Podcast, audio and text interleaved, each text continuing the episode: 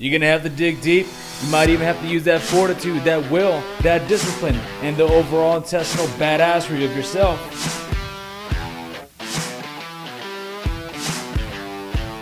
One. And we're live. Hey, Steve, how's it going? All right, man. Thanks Good. for having me. Absolutely. Absolutely. Thank you for joining. And uh, thank you for giving me good insight earlier before this meeting. Um, you know, one of the things that I wanted to talk to you about is the book, your yeah. book. Tell me about that. It's called Unleash Your Humble Alpha. Two, let's say, um, it's like an oxymoron, humble and alpha. And it's it's the, the subtitle is Own Your Presence in Life and Become the Epic Leader You're Meant to Be. Now, if you look at the title, Humble Alpha, um, you know, people like, how can you be humble and an alpha? Because people see alpha as negative and humble as weak, right? A lot of people, especially men. And so basically it's it's humble on the outside, alpha on the inside because all of your true power and everything that you can do in life and everything that you achieve comes from that power within. We call it your nuclear reactor. It sits, it sits, it sits around your um, your solar plexus. So um, the book is written. It's based upon a three, like a, like a three part series. So it's we start with your identity, then we move on to your purpose, and we move on to creating certainty in life. And we do that on a personal level, and then we do it organizationally. So if you're if you're a leader, you have a team, even within your family, the book is is uh, is that um, universal that it fits for parents with children, um, uh, owners of businesses with um, with with employees, corporate heads with employees and teams. Uh, but it's more for, on a personal level because everything comes from the inside out. So you teach yourself this first to the book, and then you teach your teams or your family or whatever, and you go on from there.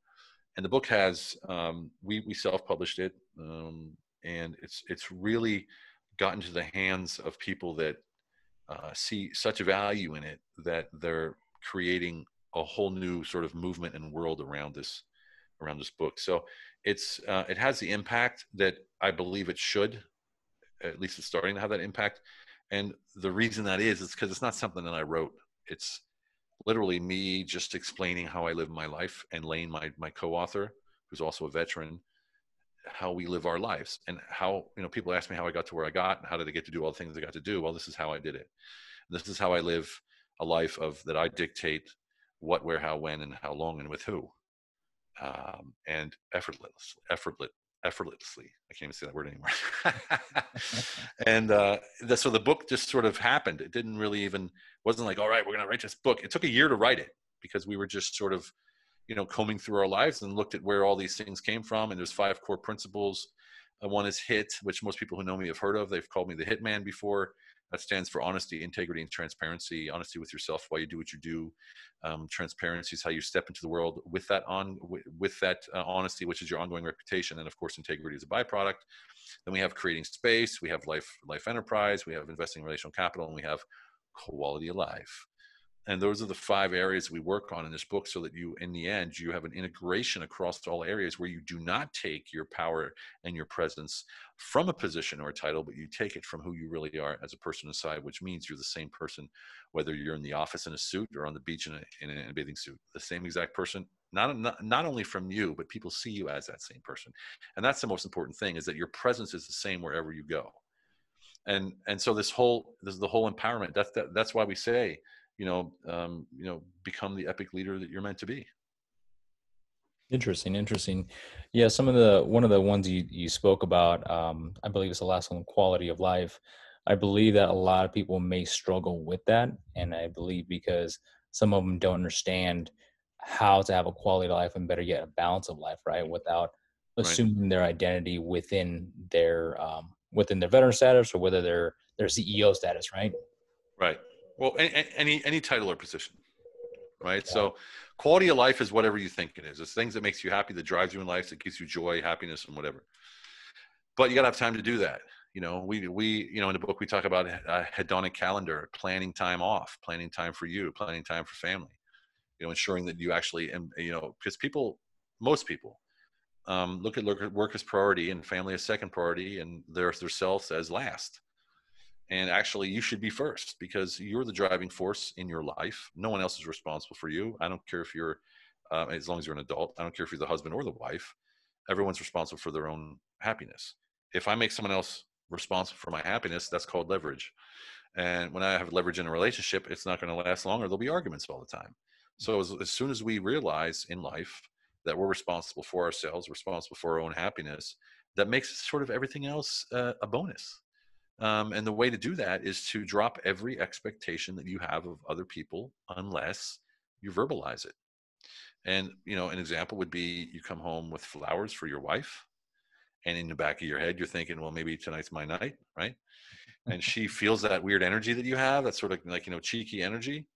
And she's thinking to herself without speaking about it, like, oh God, what does he want? kind of thing. So both of you already have expectations that you haven't verbalized and that sort of weird energy in the room sort of makes people irritable and next thing you know you're fighting over the roast beef or whatever.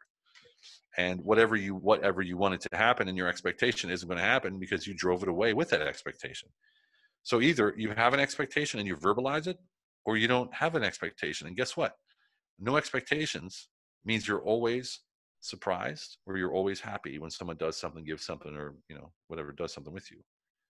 It's such a powerful easy concept, but it's really difficult to do because when you do something, you have an expectation like, if I do this for you, you got to do this for me. But most people don't talk about it and don't verbalize it. And the next thing you know, they're mad at each other because, well, you should have known, you know, this kind of thing. So clarity, this whole book gives you such a clarity in life that you wonder why you ever uh, were frustrated. you know, I, seriously, and, and it's, it's really, it's honestly that powerful and it's not, something I'm saying because I wrote it. This is the feedback that we're getting. Interesting. You make it sound so simple, and I would imagine the simplicity is is the key behind it. Yep, um, exactly what it is. And I'd say that's one of the comments we get most most of the time. They're like, "Wow, it's so clear and direct and and like easy." It's like it's it's there's no you know long-winded theoretical art you know sort of you know academically articulated none of that stuff. It's it's as if i'm talking to you as if lane's talking to you. That's how you read it. That's how i write all my books by the way.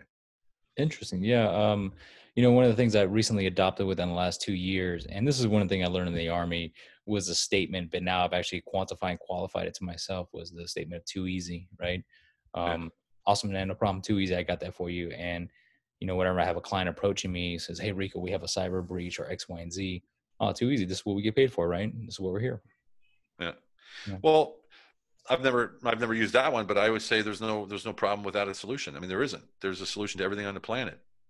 You know, even if that solution is walk away. I mean, you know, there's a solution yeah. to everything. There's a solution to everything. I was just in a a very important meeting about an hour and a half ago um, online. It's about a company that I'm looking to acquire with um, uh, with our private equity firm, and we're into the 14th meeting and it's a $20 million deal and they suddenly changed the entire playing field. I mean everything that we had presented we had agreed on they're changing everything. Mm-hmm. and my my partner uh, you know was a little bit perturbed and started to defend the positions. And i said why don't we all just stop right now and you tell us what you want? So I, I created a space around them to to relax everybody. And i said here the ball's in your court Tell us what you want. And they were shocked. And they were shocked. And see, I have no reason to be stressed about anything they're saying. Because if we actually break it down and actually have a, a sensible conversation and have no attacks and no aggressiveness, we're going to figure it out. There's a solution for everything. And I, it, it doesn't matter. If I get, if I have to get, you know, for 20 million, I got to get 20 investors. That's what I'll do. I mean, it doesn't matter. It's like, it's, there's always a solution. And when you go through life like this, you don't have any problems. Honest to God, you have no problems. And I don't care if your problem is man, I didn't get paid this month. Okay, there's a solution for that. All you need to do is find it. And the way you find that is you let go of what it is you're trying to fix and actually allow yourself to receive the fixing. And I know that sounds sort of esoteric, but there's a saying that what you resist will persist. So if you're holding on tight to that money, I need to make money, I need to make money, I need to make money, you're not you're you're only focused on that one little micro dot in the universe and you won't see anything else around you that's actually literally like throwing money at you, but you won't see them because you're resisting everything outside of you except for that one thing that you absolutely think that you need. So letting go is key. Letting go of all of those once wishes, the things that people say you have to do, you have to be, you have to study, you have to work, you have to climb the ladder, you got to do this, you got to do that Find your identity inside you. Who are you really? What drives you? What's your juice in life? What gives you goosebumps? Right? And then your, your your purpose will crystallize from that. And my friend, when you have that, the world is sunny every day, all night, all day. Never rains, never snows. It's always sunny. It's amazing. You know, uh, one of the things you said um, was, you know, find the purpose, right? If right. I'm a novice person, if I'm just a regular old Joe hanging out, what would you tell me how's the, what's the best way or how, what is a, a way to find out my purpose or who I am? Well, I would start with with uh, finding your identity first, because uh, if you don't know who you are, your purpose is just something you're chasing, which is might may not be aligned with who you really are. Hmm. Um, you know, it's there's a whole it's it's a it's quite a um, very deep and personal process uh, process that we go through in the book. So the free, after each so each chapter is this: you have a story, then you have a lesson out of that story, then you have the action steps, and some sometimes three pages of action steps and these action steps you must finish before you move to the next chapter because it's a cascading, you know, build up. So first one, identity, then purpose, right? Then we start creating. Then we talk about collaborations and certainty and this kind of stuff.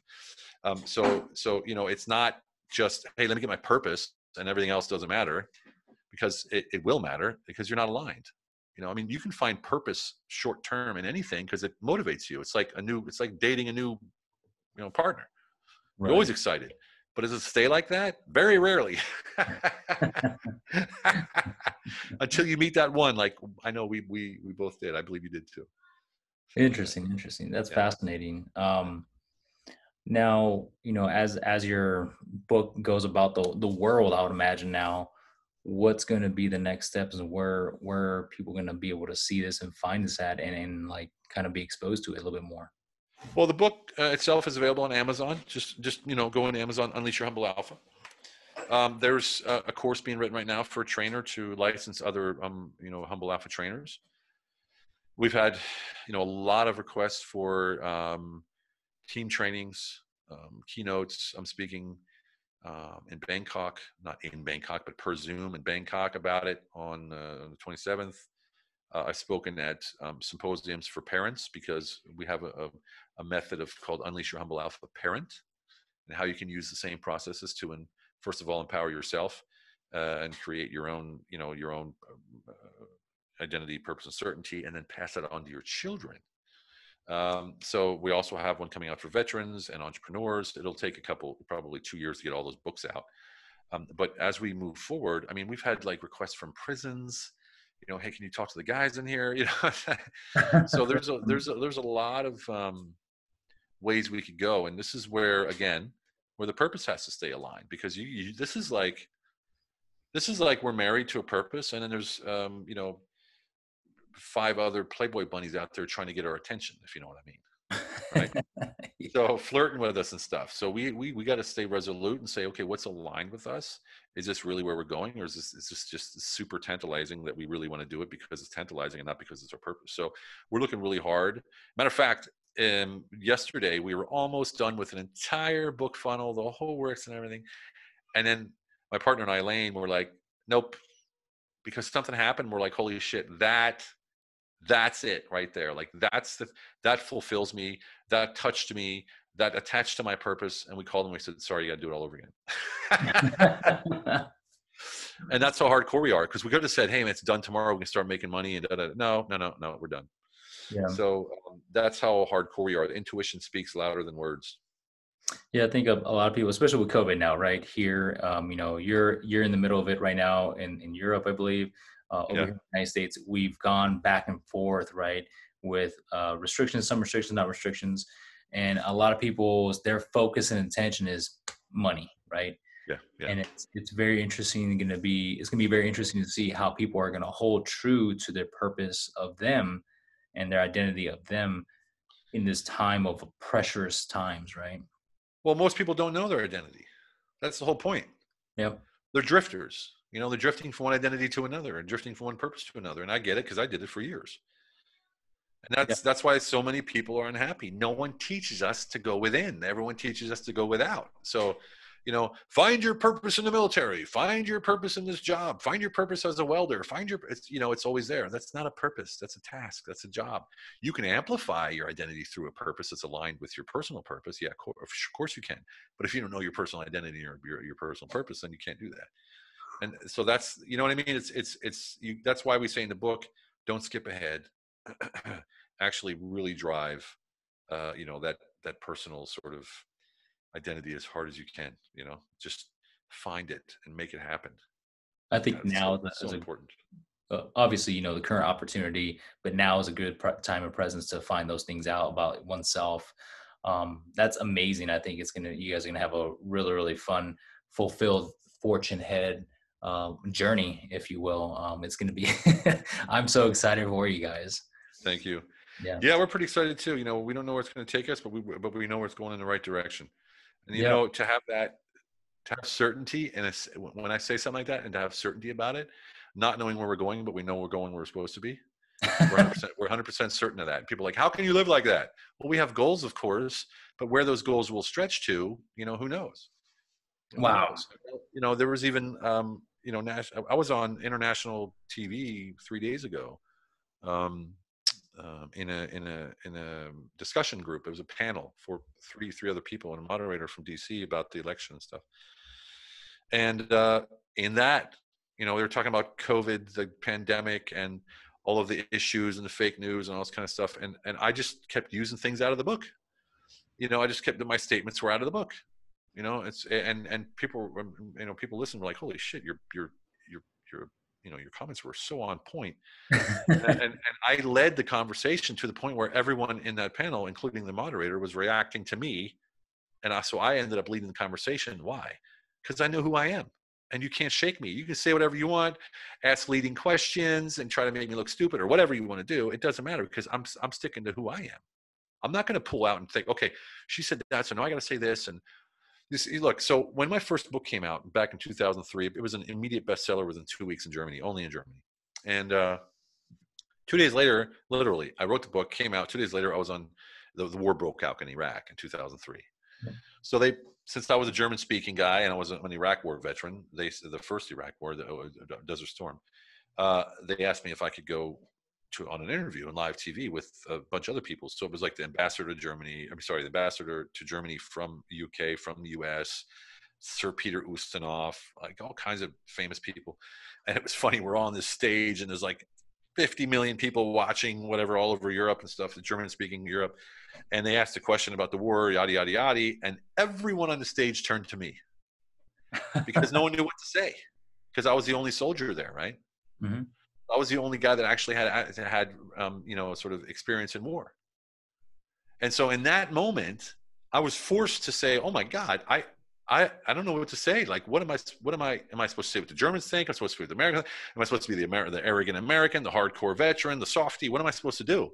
You know, it was like it was forced, and it was this was all happening in my head within milliseconds. And I said, you know what? No, I'm gonna stick to who I am. Who am I really? And that's when the process really started in 2003 when I said, I need to figure out who the heck I am because I can't be on TV because I was on TV for a year every day, at least three channels every single day, first year of the war. And so through that process of having to be honest in front of millions of people, knowing that anything I said is in, on- in the air forever, I had to be 100% honest. So that was that was the that was where hit was born honesty integrity and transparency literally in that moment that's when it was born and so you know you you you, you know you can force yourself into those situations if you're aware or conscious. Other people will go in there and say whatever they have to say to get you know famous. Like we had a buddy who had a mustard gas casualty from desert storm went back um, he, he was a, a cavalry, scout. He went back and was on larry king because he was the first mustard gas casualty since you know world war ii and he told the story on larry king. He was in 82nd airborne. He was wearing a beret. I mean he wasn't even in the 82nd airborne.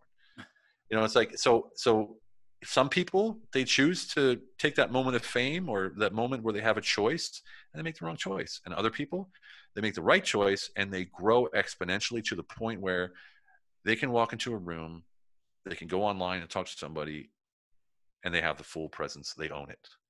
They completely own it.